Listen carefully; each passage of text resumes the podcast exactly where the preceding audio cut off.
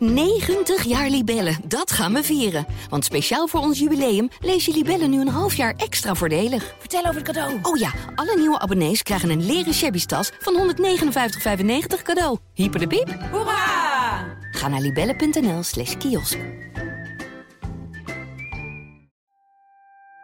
Een hele goede middag of avond of ochtend, beste luisteraars van deze Wij Willen Zonkast. De podcast van uh, Dagblad Trouw over zonnepanelen uh, en eigenlijk alles uh, op het gebied van duurzaamheid wat daarbij komt kijken. Vandaag hebben we een heel bijzonder onderwerp. We gaan het hebben over elektrisch vliegen. ja, we hebben het al gehad over de elektrische auto. We hebben het al gehad over nou ja, zonnepanelen en elektriciteit voor je, voor je, voor je koffiezetapparaat. Maar wist u dat er tegenwoordig ook vliegtuigen op elektriciteit de lucht in gaan? Dat schijnt te kunnen. Uh, ik vind dat knap. Uh, het schijnt zelfs te kunnen dat we misschien uh, over een x aantal jaren uh, volledig duurzaam op onze nou ja, examenreis naar Gersonisos zouden kunnen vliegen. Ja, of niet. Uh, daar ga ik het vandaag over hebben samen met uh, Vincent Dekker. Uh, misschien wel de beste zonnepanelen-columnist van Nederland. Of de enige. En we hebben weer een speciale gast in, in deze podcast-opname. hij komt dit keer weer uit het kastje op de keukentafel. dat is Gerben Broekema. Hij is luchtvaartexpert. Hij werkt voor McKinsey als luchtvaartconsultant. En hij was hoofdstrategie van Schiphol, als ik het goed zeg, Gerben. welkom in deze opname. Um, allereerst kijk ik eventjes uh, naar buiten. Uh, daar schijnt. Je hebt wat wolken, je hebt wat zon. Maar afgelopen vrijdag was het echt noodweer. Ja. En toen bedacht ik me. Zo je, hebt, je hebt natuurlijk zonnepanelen hier schuin op je dak staan, Vincent. Hoe is daarmee afgelopen met die panelen? Kunnen ze wat hebben?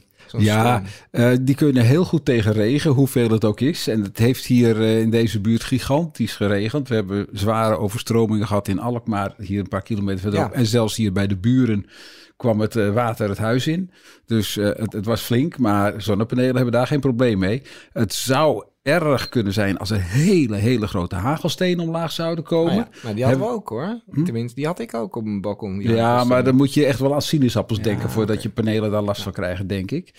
En uh, het kan met ontzettend harde rukwinden, zoals er ook zijn geweest in, hoe heet de plaats ook weer bij Utrecht? Leers, de, leer, de valwind ja, uh, was daar. En uh, dan weet ik niet of panelen het houden. Want als dan nou, zelfs bomen omknappen en zo. Maar hier hebben we in Bergen is het natuurlijk aan de kust. En we hebben geregeld windkracht 11, windstoten windkracht 12. En nou, dan blijft alles keurig gewoon op dak hoor. Nou ja, als je huis weggaat, dan zijn je zonnepanelen denk ik ook weg. Daar ja, in, dat, in de, de, die, die, die redt niemand. Ja, die blijven en, niet en, zweven. Zo'n regenachtige dag, wat doet dat met jou, uh, jouw energie? Lever, uh, bewolkte dag is, want dat maakt niet uit of het nou regent of niet regent. Maar bewolkt is uh, echt een groot verschil. Dan, ja. dan ga je, zeg maar op een zomerdag haal ik 18 kilowattuur 19 op een hele mooie dag van mijn dak. En met zo'n bewolkte dag wordt dat misschien, als die hele dag bewolkt is, 4 kilowatt of zo. Dus okay. dat scheelt echt aanmerkelijk. Ja, dus dat is een kopje koffie minder. Dat zijn twee koppen koffie twee, minder. Twee koppen koffie ja. minder. Um, eigenlijk een beetje de aanleiding dat wij hier uh, het vandaag over elektrisch vliegen gaan hebben, Vincent, is, uh, is je hebt dan een, een, paar columns over, dit, uh, over, dit, over deze mooie luchtkastelen geschreven natuurlijk. Ja. Um, maar je bent ook, je hebt een avontuur beleefd vorige week. Ja, ik was uh, vorige week dinsdag uh, op Teugen, dat is een vliegveld bij Apeldoorn. En daar is sinds 1 mei officieel gevestigd een uh, vliegschool voor elektrisch vliegen, E-Flight Academy. Is dat, is dat uh, gewoon omdat dat dan een, een, uh, ja, een uitstootvrije vliegschool is? Of, of gaat zo'n vliegtuigje, bestuur je zo'n vliegtuigje ook heel anders? Uh, nee, de besturing is denk ik niet zo wat anders. Ik heb zelf nooit... Ik achter... hoeveel vliegervaring jij hebt eigenlijk. Nou, ik heb een enkele keer wel in zo'n tweezittertje gezeten. Maar dat is heel weinig hoor. Maar daar heb ik zelf niet aan de stuurknuppel gezeten. Hier zat ik samen met een instructeur in het vliegtuig. Ik had een les geboekt gewoon. Zoals iedereen dat zou kunnen doen. Ik wil het gewoon een keer meemaken en ik wilde gewoon weten, ik schrijf erover. En uh, ja, klopt het nou een beetje wat ik denk, met name over geluid en dergelijke. Want ja, je hoort al door van die uh, elektrische vliegtuigen, die zijn veel stiller dan de kleine benzinemotorvliegtuigen. Want die kleine hebben vaak benzinemotoren. Ja. En ja, dat scheelt. Er is, er is geprobeerd dat geluid te, te vangen uh, ja. op vliegveldteugen. Als jij uh, tak ziet, met, met, of eigenlijk de motor start. Ja. Nou, laten we heel even gaan luisteren.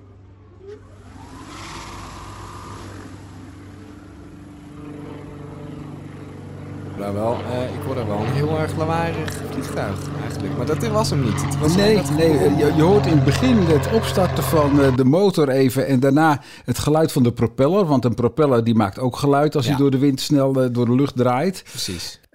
Maar al heel gauw hoor je een heel hard geluid erbij komen. En dat is van een vliegtuigje, een gewone Cessna tweepersoons, ook lesvliegtuig, maar op benzinemotor. Vliegt op de achtergrond langs. Die vliegt 400, 500 meter van ons vandaan. Terwijl dat elektromotortje wat je in eerste instantie hoort op 20 ki- meter afstand is of Wordt zo. Dus Totaal, totaal overstemd. Ja. dat wordt totaal overstemd door dat ene vliegtuigje wat een paar honderd meter verderop start, ja. Hoe was het in de lucht?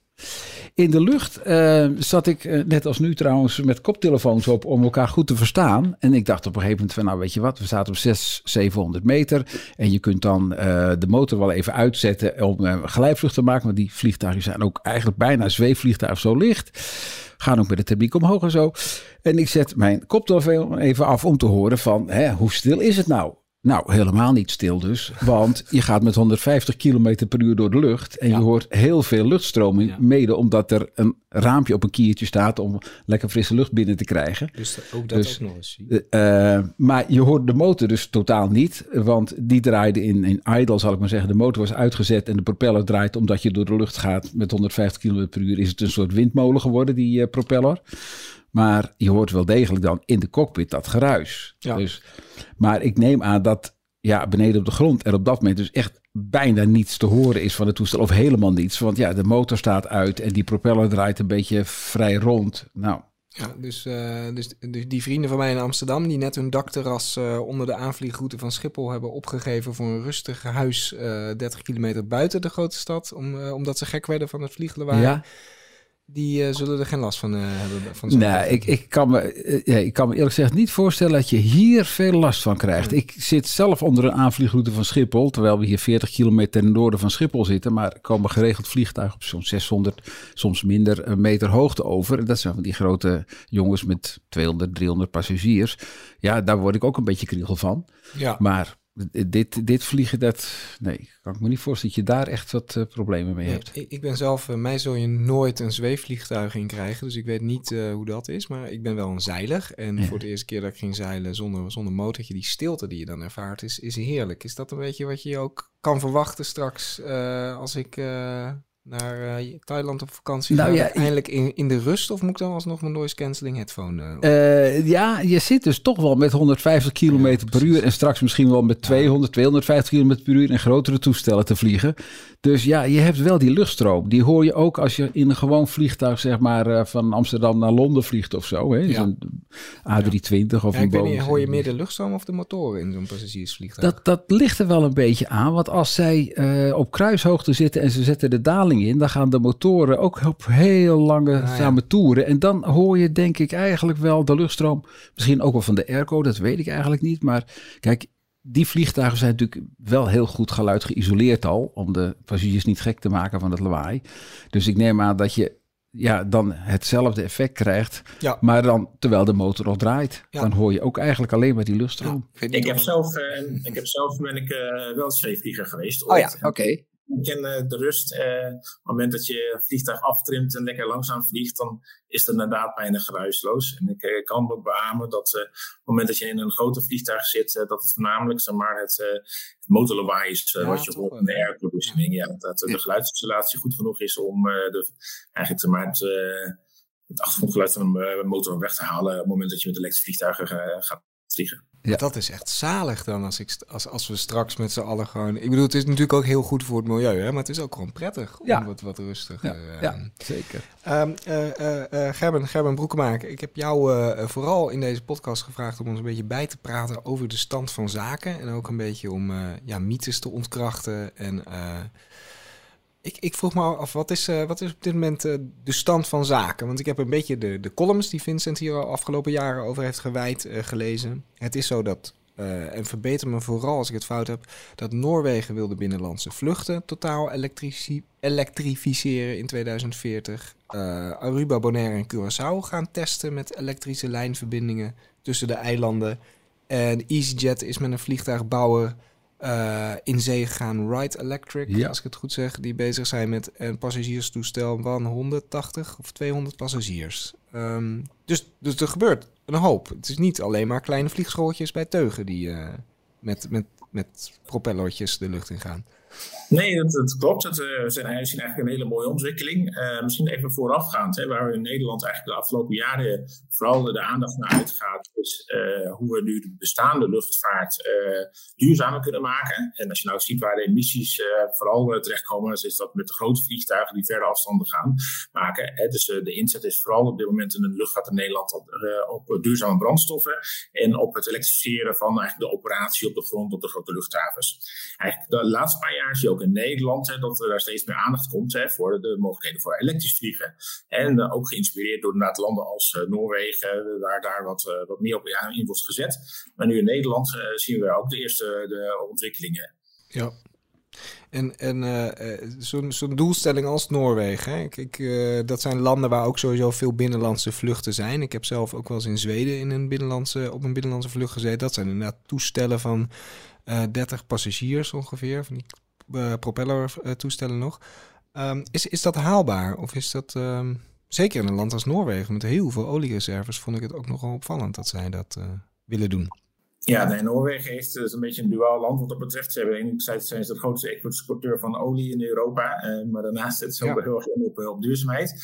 Um, nee, wat we in de, in de elektrische luchtvaart nu zien, is dat uh, eigenlijk mede door betere accu's die worden ontwikkeld, de batterijen, uh, ook vanuit de automobielindustrie, dat we nu op een niveau komen dat juist met die kleinere vliegtuigen het mogelijk gaat worden om elektrisch te vliegen. En uh, uit onderzoek uh, en ook met samenwerking met, met de, de, fabrikanten heeft Noorwegen nu gezegd van wij denken dat het haalbaar gaat zijn om in 2040 het hele binnenlandse netwerk elektrisch te maken. Deels van die vluchten zijn wat ze noemen dan routes waarbij de, overheid eigenlijk de, de, vliegoperatie uitbesteedt of aanbesteedt, net als in Nederland met openbaar vervoer gebeurt. Dus daar worden gewoon targets neergezet van dat moet gewoon met een elektrisch vliegtuig gaan zitten. In Nederland zit een andere markt, dan moet het echt zeg maar, de markt zelf eigenlijk dit als een, als een goede oplossing zien. Omdat de marktpartijen deze techniek zullen moeten gaan aanbieden. En we zien nu ook dat in Nederland er nu steeds meer interesse komt van marktpartijen om zich op deze technologie te gaan richten. Uh, we hebben onderzoek gedaan uh, met verschillende partijen. Uh, eerst vanuit een coalitie rondom Eindhoven, later ook in, in, Noord-Nederland. En daar blijkt dat over vijf tot zes, zeven jaar de eerste elektrische vliegtuigen die echt geschikt zijn voor het vervoer van passagiers, commerciële lijndiensten, realiteit kunnen gaan worden binnen Nederland. Ja, maar dan hebben we het dus over hoeveel passagiers aan boord?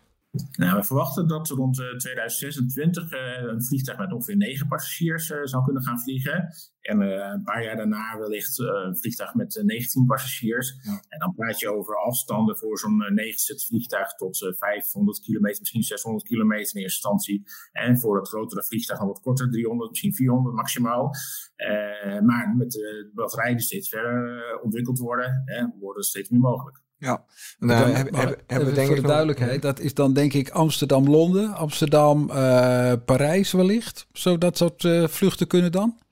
Nou ja, ik denk als je nou kijkt wat, het, wat, het, wat de mogelijke routes gaan zijn, hè, juist met de kleine vliegtuigen zijn, zullen ze niet heel erg veel toevoegen op de grote vliegvelden. Uh, daar is al een, een groot vliegtuig en de, de, kosten die zijn wel, daar kunnen we misschien zo meteen nog even over hebben, die, die zijn wel veel lager, maar kunnen nog niet concurreren met een toestel van 180 passagiers. Ja, ja. Dus vandaar dat we deze technologie met name gaan zien op kleine regionale luchthavens, waar nu vaak niet voldoende passagiers zijn om een route rendabel te maken. Maar met deze technologie het wel mogelijk gaat worden om met kleine toestellen rendabel te vliegen. Ja, want inderdaad, ik wil er al een beetje naar rendabel gaan.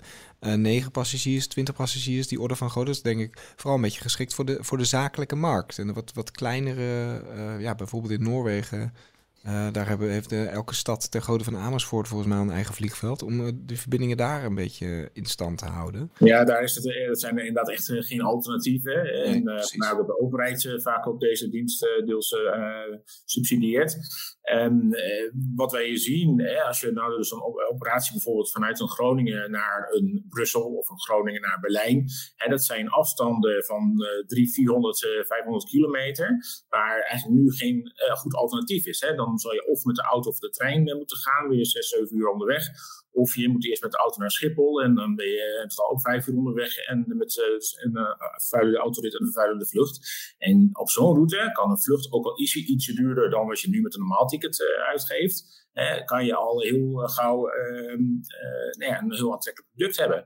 En vooral voor de zakelijke reiziger, die veel waarde heeft aan tijdswinst is dat dus al een helemaal gauw een positief sommetje. Ja, even naar de techniek. Uh, want uh, het, is, het is wel bekend dat die elektrische auto's, een Tesla, die weegt volgens mij, wat is het, 3000 kilo ongeveer. Eh, tegen, in elk geval bijna twee keer zo zwaar als een, als een reguliere personenauto. Ja, die, die batterij Wat is, komt door die batterij die op de bodem ligt. Um, dan hebben we het over een auto met vier wielen die gewoon rechtdoor moet. Ik vind het altijd wel fascinerend om op Schiphol te, aan te komen. En je ziet die enorme toestellen van dichtbij. En dan denk je, hoe gaat dat in vredesnaam ooit de lucht in? Die toestellen worden dan, als ik dan een beetje doordenk, uh, nog veel zwaarder straks. Want er moeten enorme batterijen in. Um, hoeveel kracht is daar wel uh, niet voor nodig? Ik las laatst uh, in, in Dagblad Trouw werd Joris Melkert, luchtvaartdeskundige, nog geïnterviewd. die zei dat we kunnen vergeten dat we ooit op vakantie zullen gaan. alleen al vanwege het simpele rekensommetje dat een kilo kerosine 50 keer zoveel energie bevat dan een kilo accu. Um, klopt daar wat van? Ja, dat, nou, die 50, uh, factor 50 die klopt zeker. Uh, en dat is ook uh, gelijk de grootste uitdaging van deze ontwikkeling. En daarbij moet je wel rekening houden dat er een aantal maar compenserende factoren zijn. Ten eerste is het de energie-efficiëntie van een elektrische motor ten opzichte van vooral kleine propellermotoren is een factor 3 of 4. En dus vanuit de theoretische energie die in de brandstof zit, haalt een uh, propellervliegtuig 25 tot 30 procent echt uh, nee, voortstuwing. Terwijl bij, bij een elektrische uh, vliegtuig iets van 70 tot 90 procent is. Dus daar, win je al een hoop mee. het andere voordeel is dat je met deze elektrische motoren, die ook eigenlijk veel lichter zijn dan, dan een, verbrandingsmotor, veel meer kan. Hè. Ze zijn um, ook kleiner, dus je kunt de vliegtuigen wat, wat aerodynamisch ontwerpen. Je kunt er meerdere op, op, op, verspreid op de vleugel gaan doen. Ja, dat alles leidt ook dat het vliegtuig uiteindelijk minder weerstand nodig heeft. Dus daar is ook een factor anderhalf tot twee keer winst te halen. In, het, in de zin van dat je met uh, zelfs bij hetzelfde gewicht minder kracht nodig hebt om door de lucht heen te gaan. Ja. en daarmee wordt eigenlijk het gat al een stuk kleiner. Uh, desondanks hè, houdt het nog steeds zeker, zeker bij zijn beperkingen. En zijn we dus nu vooral ook afhankelijk van hoe de batterijen zich verder zullen gaan ontwikkelen. Ja, en, en hoe, hoe uh, staat het daarmee met die ontwikkeling van die batterijen? Nee, in de luchtvaart, eh, of in de, in de automobielindustrie wordt nu vooral uh, die um, lithium-ion batterijen toegepast. Nee, daarvan is wel bekend hè, dat daar op een gegeven moment een eindige ontwikkeling aan zit. we zitten nu in de automobielindustrie op de 250 wattuur per kilogram. als de, nu de nieuwste Tesla's. De verwachting is dat dat tot misschien 300, maximaal 350 wattuur per kilo zou kunnen doorgaan dat niveau kan je nog steeds maar heel beperkt echt elektrisch vliegen. Op het moment dat je een overstap kan gaan maken naar lithium-zilver of uh, de, de solid-state batterijen, en dan ga je in één keer richting de 500, 600 watt per kilogram. Ja, dan moet je nog wat voor aftrekken, want dat is dan op het celniveau. En als je dat dan in, allemaal in een batterijpack bij je samen gaat, hè, dan verlies je wat uh, aan dichtheid. Uiteindelijk hè, zou je met 300, 400 wattuur per kilogram uh, uit kunnen gaan komen. En nee, dan zijn echt wel routes met een 9 persoons vliegtuig tot 1000 eh, kilometer mogelijk. Ja. Dus even, even voor een vergelijking, voor een huistuin- en keukenvergelijking. Het, uh, is zo'n zo'n zo'n lijnvlucht dan te vergelijken met het jaarverbruik van één huishouden of het maandverbruik van één huishouden aan Nee, dat, dat, is, dat is een beetje een, een misconceptie in de luchtvaart. Dat is ook uh, als je met een, een, auto van Groningen naar Schiphol rijdt in je eentje. Met een benzineauto verbruik je al twee keer zoveel CO2 als als je met een moderne vliegtuig van Amsterdam naar Londen vliegt. Uh, we hebben berekend ook in ons onderzoek hè, wat het elektriciteitsverbruik is met een elektrisch vliegtuig. Dat zit uh, ongeveer uh, op hetzelfde niveau als als je met z'n tweeën in een elektrische auto zit. Dus op het moment dat je in je eentje in een elektrische auto zit, verbruik je twee keer zoveel elektriciteit als dat je in, uh, op dezelfde afstand, hè, dan als je in een elektrisch vliegtuig gaat. Ik had zelf even uitgerekend wat bij een kleine pipistrel daar op Teugen, hè, die tweepersoons elektrische lesvliegtuigje. En volgens mij gebruikte hij ongeveer 8 kilowattuur voor drie kwartier vliegen. Dat zou overeenkomen met mijn uh, dagelijks gebruik gemiddeld over een jaar gezien. Ik heb uh, pakweg acht gemiddeld per, per dag. En wat, heb, jij, heb jij misschien een blik onder de motorkap uh, kunnen, kunnen werpen van die, van die pipistrel? Wat voor batterij? Hoe groot was die batterij? nou, ik, ik heb ze niet echt gezien. Ik weet dat er twee batterijsets in zaten. Eentje voor mijn voeten, eentje achter mijn rug, zal ik maar zeggen, die dan werden opgeladen. Maar ja, ze waren al met al, ik denk iets van 20 kilowattuur zou dat kunnen, Gerben? Ja, is in die orde Ja, in die orde van grootte. En hoe groot dus- en zwaar? Een rugzakje groot? Of een uh, koelkast? Nou ja, het ligt aan hoe ze verpakt zijn. Maar 20 kilowatt is eigenlijk maar een hele kleine batterij voor een personenauto, om maar eens wat te noemen. Ja, ja. ja dus daar zit gauw 50, 60 in, hè? een beetje moderne personenauto. Nee, maar... Ja, in de luchtvaart zijn er wat extra veiligheidsmaatregelen. Dus ze zijn wat dichter verpakt. Dus ze zijn wat omvangrijker, wat zwaarder voor dezelfde zeg maar, uh, energie. Ja. Ja. het, het, komt er eigenlijk om neer, bedenk me ook. Als ik 8 kilowattuur heb uh, verstookt en ik zou dat thuis uit mijn stopcontact hebben gehaald, wat zou kunnen. Bedrijven betalen zelfs nog minder dan dat, maar dan heb ik 8 keer 20 cent verstookt. Hè? Dat is dus 1,60 euro aan energie verbruikt op die drie kwartier met twee personen in de lucht. Precies, en dat is nou juist ook de grote winst inderdaad. Als we nu kijken van waarom zo, deze technologie zoveel potentie.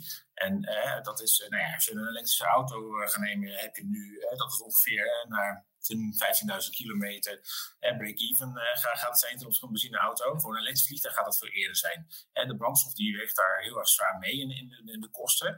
Maar daarnaast is ook het onderhoud van vliegtuigen, met name aan de vliegtuigmotoren, heel erg kostbaar. Nou, op die twee factoren kun je een enorme besparing halen met deze technologie. Ehm, en daarmee wordt het al gauw aantrekkelijk. Daarbovenop hè, zijn steeds meer luchthavens ook bezig om hun tarieven aan te passen bij hoe duurzamer het wordt. Niet alleen qua uh, geluid, maar ook qua uitstoot. Het is steeds goedkoper wordt. nee, al met al dus hebben we uitgerekend dat met een klein vliegtuig, als je nou een klein 9 zit vliegtuig of 11 zit vliegtuig met een elektrische vliegtuig gaat vergelijken, die ongeveer 30 tot misschien maximaal 50% lagere kosten kan bereiken. Maar je moet denken komende jaren, misschien decennia ook wel rekening houden met ontzettend veel ontwikkelingskosten, lijkt me, of niet? Nou ja, dat, eh, dat, dat zit in, in, dat, uh, in maar die berekening in. Okay. Maar we hebben, gaan dan uit dat we ongeveer een 9 vliegtuig ongeveer 4 tot 5 miljoen euro zou, zou moeten gaan kosten. Ja. Ik heb daar met experts over gesproken en die zeggen van nou ja, eh, het echte daadwerkelijke bouwkosten zijn maar iets van 1 miljoen. Het is een, een, een vliegtuig uh, heeft uh, iets van uh, 200, 250 onderdelen vergeleken met een, een, een, een, ander vliegtuig dat 10 keer zoveel onderdelen heeft. Want het, het, het is niet simpel te, te, bouwen. Heel kort gezegd, de techniek is er al eigenlijk. Je sluit gewoon een batterij aan op een elektromotor en ja, de, de aerodynamica, dat, dat is verder hetzelfde allemaal. Nou ja, de aerodynamica is, nog veel uh, te winnen. Juist ja. omdat je dus maar, meer, vrijheid hebt. Dat je meer vrijheid hebt om motoren te verspreiden. Oh, ja. uh, en dus je, je ziet ook in de, de, ontwerpen die nu op de markt worden gebracht. Ook uh, ja, wat, die, wat, een andere manier hoe de staart is vormgegeven. Of misschien soms sommige dubbele vleugels. nee, al met al wordt daar nog een hele hoop experimentatie verwacht. We zullen nog even over die waterstof verder praten. Ik, maar ik zag bijvoorbeeld op de website van Wright Electric inderdaad zo'n dubbele dubbele staart en gekke motors achterin. Dat is dus geen gimmick. Het deed mij een beetje denken aan de Thunderbirds uh, luchtschip. maar dat, dat heeft een reden dus dat het, uh, dat het er wat anders uitziet, omdat het gewoon meer kan. Ja, dat, je kan meer. Uh, de, de, ik ben geen vliegtuigbouwer, maar en er zijn zeker wel sceptici over al deze soort, verschillende soorten uh, nieuwe modellen. En, maar het is zeker zo dat je veel meer vrijheid hebt om, ja, om een, een, nieuw design te maken waar de aerodynamica nog beter is dan met de bestaande vliegtuigen. Als je nu kijkt naar de kleine vliegtuigen die rondvliegen, dat zijn vaak modellen die nog stammen uit de jaren 60, 70 en eigenlijk nauwelijks innovatie meer in is geweest. Nee, uh, want, want zo'n, zo'n, jij vloog in een pipistrel. Ja. Ik zag dat Cessna heeft al uh, verschil, maar dat zijn eigenlijk een beetje oude modellen die wat zijn gemodificeerd voor, ja. uh, voor, elek voor een elektromotor. Ja, ja, er zijn al diverse maatschappijen die binnenkort volgens mij reguliere vluchten gaan uitvoeren. zowel in de Verenigde Staten, in Canada, aan de westkust. Die hebben een omgebouwde toestel voor zes of acht passagiers is het geloof ik. En die gaan daar gewoon een elektromotor inzetten met wat batterijen. En die kunnen een half uur, zeg maar, een soort dienst tussen een eiland en, en het vasteland uh, onderhouden. Ja. Hey, waterstof, ehm, dat is ook nog een mogelijkheid om zero emission te vliegen. Ehm, is dat, uh, gaat dat hand in hand met elektrisch vliegen? Of is er een concurrentiestrijd tussen die twee stromingen mm. gaande? Nou, het, het is uh, met name complementair. Kijk, uh, waterstof heeft een hoge energiedichtheid. maar het heeft daarnaast een nadeel dat het ja, volumetrisch ja, veel meer maar ruimte inneemt, van een volume inneemt voor dezelfde hoeveelheid energie. Uh, daarnaast is de, het spreekt toch weer over een iets andere techniek met brandstofcellen waar nog wat meer stappen in moet worden gedaan en ook op de grond extra infrastructuur nodig is. Wat wij, wat wij zien is eigenlijk qua energie-efficiëntie en kosten dat batterij-elektrische luchtvaart een voordeel heeft en dat dat ook waar, daar waar dat kan uh, de overhand zal gaan krijgen. Maar ja, dan, als je verder dan 750.000 kilometer wilt vliegen of met een veel groter vliegtuig, dan zul je echt op waterstof moeten gaan vliegen. Ja. En uh, op termijn gaat dat naast van waterstof dat een, dat een elektrische motor aandrijft naar vliegtuigen met een waterstofverbrandingsmotor. Ah ja. Um, bij uh, waterstof in de lucht moet ik toch wel een beetje aan de Hindenburg denken altijd.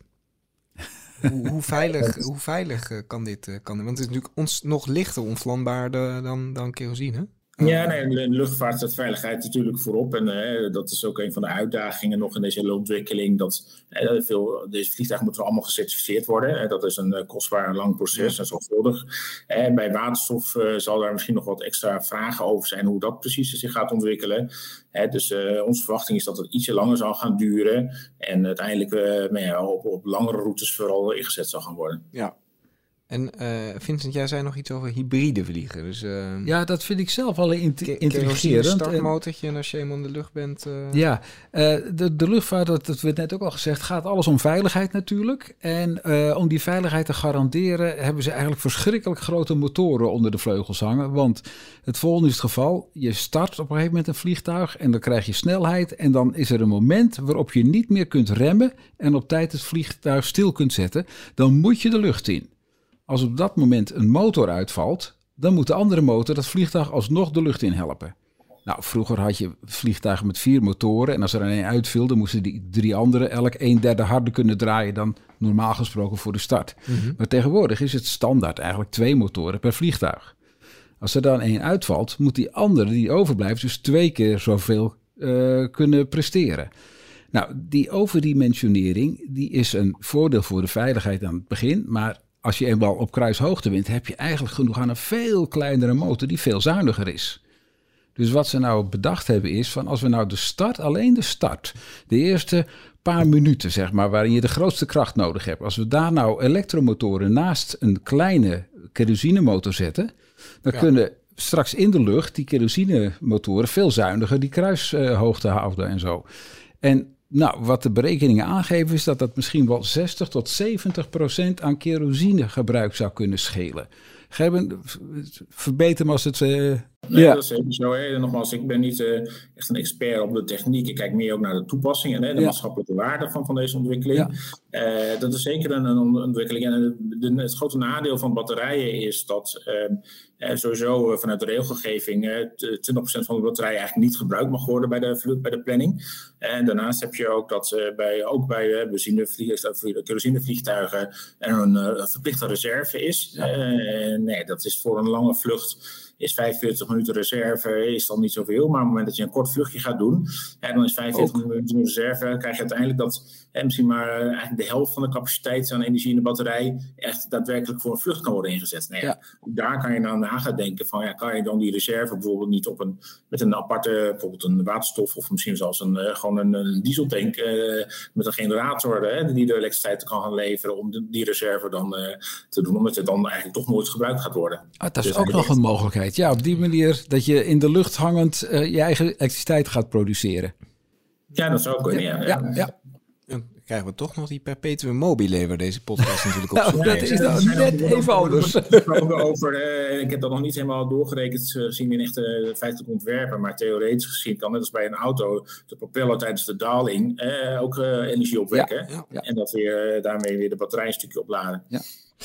Um, ik, ik, wil uh, uh, tot slot, uh, Gerben, jij loopt zelf al jarenlang rond in de, in, de, in de luchtvaartbranche, in de luchtvaartindustrie.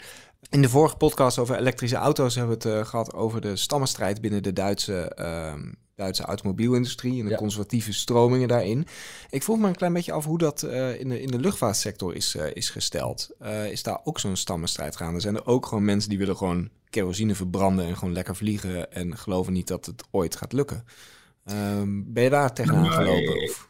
Ja, eh, op een andere manier misschien wel. Uh, en dat heeft meer niet, geen, geen, kwade, geen kwade zin als achtergrond. Maar kijk, je hebt manier wat, wat is doelstelling? En wat je nu ziet de luchtvaartbeleid in Nederland, dat heel erg kijken naar welke manier kan de luchtvaart haar emissies reduceren. En, en dan als je naar deze technologie kijkt, waar we het nu over hebben, praat je maar over een paar procent van de totale luchtvaartemissies. Ja. En uh, waar uh, steeds meer uh, aandacht nu voor komt, en daar maak ik me ook vooral hard voor, is dat je naar een breder beeld gaat kijken. Dat je kijkt naar welke rol kan deze technologie spelen in het mobiliteitsbeleid in Nederland. wij, wij, verwachten dat ook een groot deel van deze passagiers op deze vliegtuigen uit de auto komt. dus die gaan in principe in plaats van zes uur, zeven uur in de auto eh, gaan ze in met elektrisch vliegtuig. Daar is al een enorme winst te maken, zolang de, niet alle auto's uh, al elektrisch zijn. Hè, maar zelfs ook als je in je eentje of met z'n tweeën reist, dan is het ook nog beter qua energieverbruik dus om in het vliegtuig te gaan. Maar je moet ook verder kijken. Fijnstof is zowel voor de trein als voor de elektrische auto nog best een uitdaging. Vanwege de slijtage van de banden en de, en de, en de remmen. dat is voor een elektrisch vliegtuig bijna non-existent. Dat is tijdens de start en landing rij een klein stukje met je, bij de wielen nog wat slijten, maar daarna dan is het opgehouden. En dan kun je ontzettend winst halen. En hetzelfde met stikstof. daar is ten opzichte van verbrandingsmotoren ook een enorme winst te halen. Wat wel ook, als je nou kijkt naar de maatschappelijke rol dan, hè, dan ga je dus eigenlijk toch wel uitkomen op een situatie dat je meer vluchten gaat krijgen in plaats van minder, waarom steeds opgeroepen gaat worden. En nou, dan is terecht ook dan de vraag van, ja, is dat dan nog wel in te passen op, binnen de geluidsruimte van de luchthavens? en nee, dat Vincent, die, die rept er al even over, de, de, de verwachtingen zijn dat deze vliegtuigen echt heel veel stiller gaan zijn. Um, het vliegtuig waar, uh, waar Vincent in heeft gevlogen, type Stel, dat is nog wat een van de eerste ontwerpen van de elektrische motor waar de propeller nog relatief snel ronddraait. Hè. Het meeste geluid komt van de, de snelheid waarmee het uiteinde van de propellerbladen rondgaat. Ja. dat gaat met de nieuwe modellen gaat er nog uh, flink omlaag, die snelheid. Nou, ongeveer 14, 1500 in plaats van 1500 rounds per minuut. Ja, de verwachting is, wat we nu zien, is dat uh, met zo'n vliegtuig, ook wat groot vliegtuig, een paar kilometer buiten het luchthaven onder de 50 decibel gaat komen. En dat is het niveau van het achtergrondsgeluid. Nou, als dat inderdaad werkelijkheid gaat worden, hè, dan heb je dus eigenlijk uh, geen last meer van het vliegen.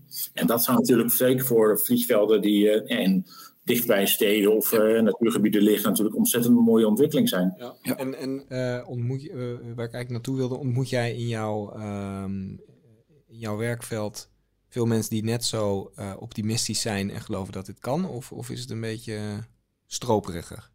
Nou, eh, de, de, de, vraag of het kan uh, is denk ik meer een vraag van wanneer het kan. En daar zijn inderdaad wel wat discussies over. Maar waar ik me hard van maak, en dat steeds meer mensen zien dat ook, is dat op het moment dat je de, de maatschappelijke waarde zo duidelijk is, dan is elke stap die je kan maken is al een goede. Ja. En, en wat, wat we nu merken is dat eh, het korte afstandsvliegen eigenlijk nog een beetje een taboe is. En nee, er zijn nu partijen bij elkaar, ook vanuit de Stichting Duurzaam Vliegen, waar wij gaan zeggen van laten we eens, net als in Amerika NASA heeft gedaan, met een soort whitepaper komen om waar wij aangeven wat is nou de visie, wat is nou de toekomstige rol van eh, zero emission regional air mobility. Dus een korte afstand vliegen op elektriciteit.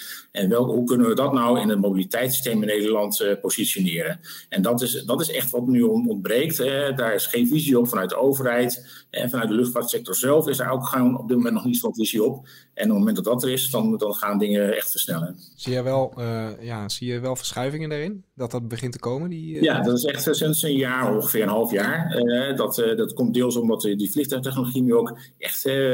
elke maand komt weer een nieuwe aankondiging van een, nieuwe vliegtuig, et cetera. En tegelijkertijd, juist ook door het steeds maar nadrukken op het, die bredere maatschappelijke waarden, vooral ook hoe het kan bijdragen om regio's beter te verbinden. En bijvoorbeeld een, een, regio als Noord-Nederland heeft al heel lang uh, problemen om lijndienstvluchten aan te sluiten. Nou ja, met onze onderzoek uh, wat we daar hebben gedaan, uh, zal dat op termijn wel misschien 10 tot 20 bestemmingen in Europa mogelijk gaan worden. En, en, nog één, denk ik ook een belangrijke aanjager van de techniek zijn natuurlijk de twee grote bouwers. Boeing in Amerika en, en Airbus hier in Europa. Zijn die eigenlijk, hebben die al enorm veel miljarden voor een R&D department opzij gezet om hier uh, een elektrisch vliegtuig te ontwikkelen? Nee, zijn het vooral de kleine start-up-achtige dingetjes? Ja, je ziet toch wel een beetje een soort uh, parallel met de auto-industrie, hè, waar de grote vliegtuigbouwers daar wat, wat minder aandacht voor hebben gehad. Dat komt ook omdat zij zich echt richten op de grotere vliegtuigen. Het kleinste Airbus-vliegtuig heeft nog steeds iets van 120, 130 stoelen. En dat is, bij Boeing is het hetzelfde. Eh, terwijl eigenlijk de traditionele kleine luchtvaartmodellen, ja, dat is al jarenlang is daar een hele ja, terugloop in. We zien eigenlijk bijna geen regionale luchtvaart meer in West-Europa. En eh, pas nu zie je dus dat ze wel eigenlijk ook wel gedreven door start-ups. En Zweedse fabrikanten en Israëlische fabrikanten die zich in die markt bewegen. Nu ook hè, de, de, de, ja, de bouwers van grote vliegtuig inspireren. Ja. En uh, nou ja, dat, dat, dat, dat, gaat nu echt in een stroomversnelling. Iedereen jaagt elkaar daarin aan. Ja, wat, wat een beetje opvalt, als ik daar nog aan mag vullen, dat er verschillende grote autoconcerns juist bij die kleine vliegtuigen lijken betrokken te willen zijn. En ook bij de, de, de airtaxis dan wel. Maar hè, bijvoorbeeld uh, Daimler, Mercedes-Benz zal ik maar zeggen. En uh, Toyota, meen ik, en andere grote internationale concerns, die, die, die richten zich op dat segment van wat te klein is voor Airbus en Boeing. Ik kan, me, voor, ik kan me voorstellen dat, uh, dat Elon Musk zich er nog wel in gaat mengen.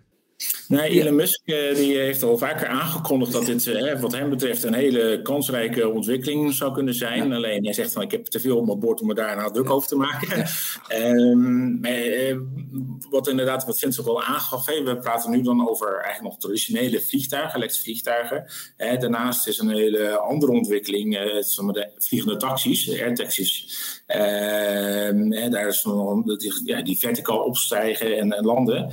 Uh, waar nog ook heel veel potentie in zit, maar ook wel heel veel vragen en, en eh, et cetera. Maar ja, we gaan echt naar een tijdperk waarin vliegen door de lucht, hè, reizen door de lucht, toch echt een, uh, ja, een veel belangrijkere rol nog uh, gaat vervullen dan uh, het verleden. En dat is echt een ja, paradigma-shift in, ja. in, in Nederlandse mobiliteitsdenken. Ja, we hebben het een beetje over uit de kluiten gewassen drones bijvoorbeeld. Ja, misschien, misschien kunnen we daar nog een... Oneerbiedig gezegd. precies. een volgende podcast-aflevering over wijden. Um, ik wil tot slot nog één vraag voorstellen, Gerben. wanneer kan ik zonder vliegschaamte naar Thailand vliegen? Gaat het nog lukken in, in my lifetime? Dat moet je inderdaad eh, richting 2045, 2050 uh, gaan. Maar uh, naar, naar Zuid-Frankrijk, batterij elektrisch vliegen, soms misschien met een tussenstop nog in eerste instantie. Dat gaat binnen 10 jaar lukken. Echt waar? Nou, dat vind ik een hele mooie om, op, om op af te sluiten op die Daar doe ik het voor. Daar doe ik het voor, inderdaad. want Zuid-Frankrijk is namelijk net zo mooi als Thailand, hoor. Laten we ja. En misschien nog wel mooier trouwens. Um, Ameland ook niet gek hoor. Ameland ook niet gek, nee. Nou, en de Duitsers willen binnenkort eh, elektrisch naar hun uh, ja, eilanden vliegen. Dus dat, dat kan je dan al op vakantie. Tesla. Ja. ja. Um, German Broekma, ik wil je hartstikke bedanken uh, voor je tijd en je inzichtvolle uh, commentaar in deze uh, podcastaflevering. Vincent Dekker, ja, ook weer bedankt voor je, voor je gastvrijheid aan de keukentafel. Heel graag en sowieso gedaan. ook voor die van de afgelopen weken. Want dit is, wij gaan er in elk geval even uit voor de, voor de zomervakantie. Ja. Uh, dit was de zevende aflevering van de Wij Willen podcast. Ik wilde alle luisteraars uh, bedanken. Uh, ik hoop na de zomer toch echt terug te keren. Want we zijn volgens mij nog lang niet uitgepraat over... Ja, zon, misschien moeten we dan ook weer eens een aflevering echt over zonnepanelen gaan opnemen. Ja, ik kan misschien wel heel leuk ja, beginnen we, Oké, okay, beginnen we na de zomervakantie. Ja, het is een, een, kleurrijke ontwikkeling daar die heel leuk is. We hebben nog helemaal niet bedacht. Kan je niet gewoon die vleugels van zo'n vliegtuig volleggen met zonnepanelen? Ja, er is al een vliegtuig. Je vliegt dichter bij de zon. Dus dan ja, heb je ja, nee, maar er is een vliegtuig, een Zwitserse ontwerp en zo, is rond de wereld gevlogen al twee jaar geleden, inmiddels anderhalf jaar geleden, op zonne-energie. Dat is wel vaker. Al mijn, maar al mijn briljante ideeën blijken al te bestaan. Ja, ja, daar kun jij in je eentje mee naar Thailand, maar dan moet je wel eerst je buffet halen. Vind ah ja, ja. dan vlieg je helemaal. Ja. ik heb ook nog eens zoiets als hoogtevrees trouwens. Dus. Ja, daar heb ik met vliegen geen last van. Als ik op een galerijflat zit wel, en dan wil ik niet naar beneden kijken, maar met vliegen heb ik daar nooit last van. Hoe groter, hoe beter. Want dat propellervliegtuigje in Zweden waar ik over vertelde, ik heb doodsangst. Oh, heerlijk. Heel leuk vind ik. Uh, nogmaals, Gerben, hartstikke bedankt voor je tijd. Ja. Vincent, hartstikke bedankt voor je tijd. Uh, alle luisteraars, ik wens jullie nog een hele zonnige dag.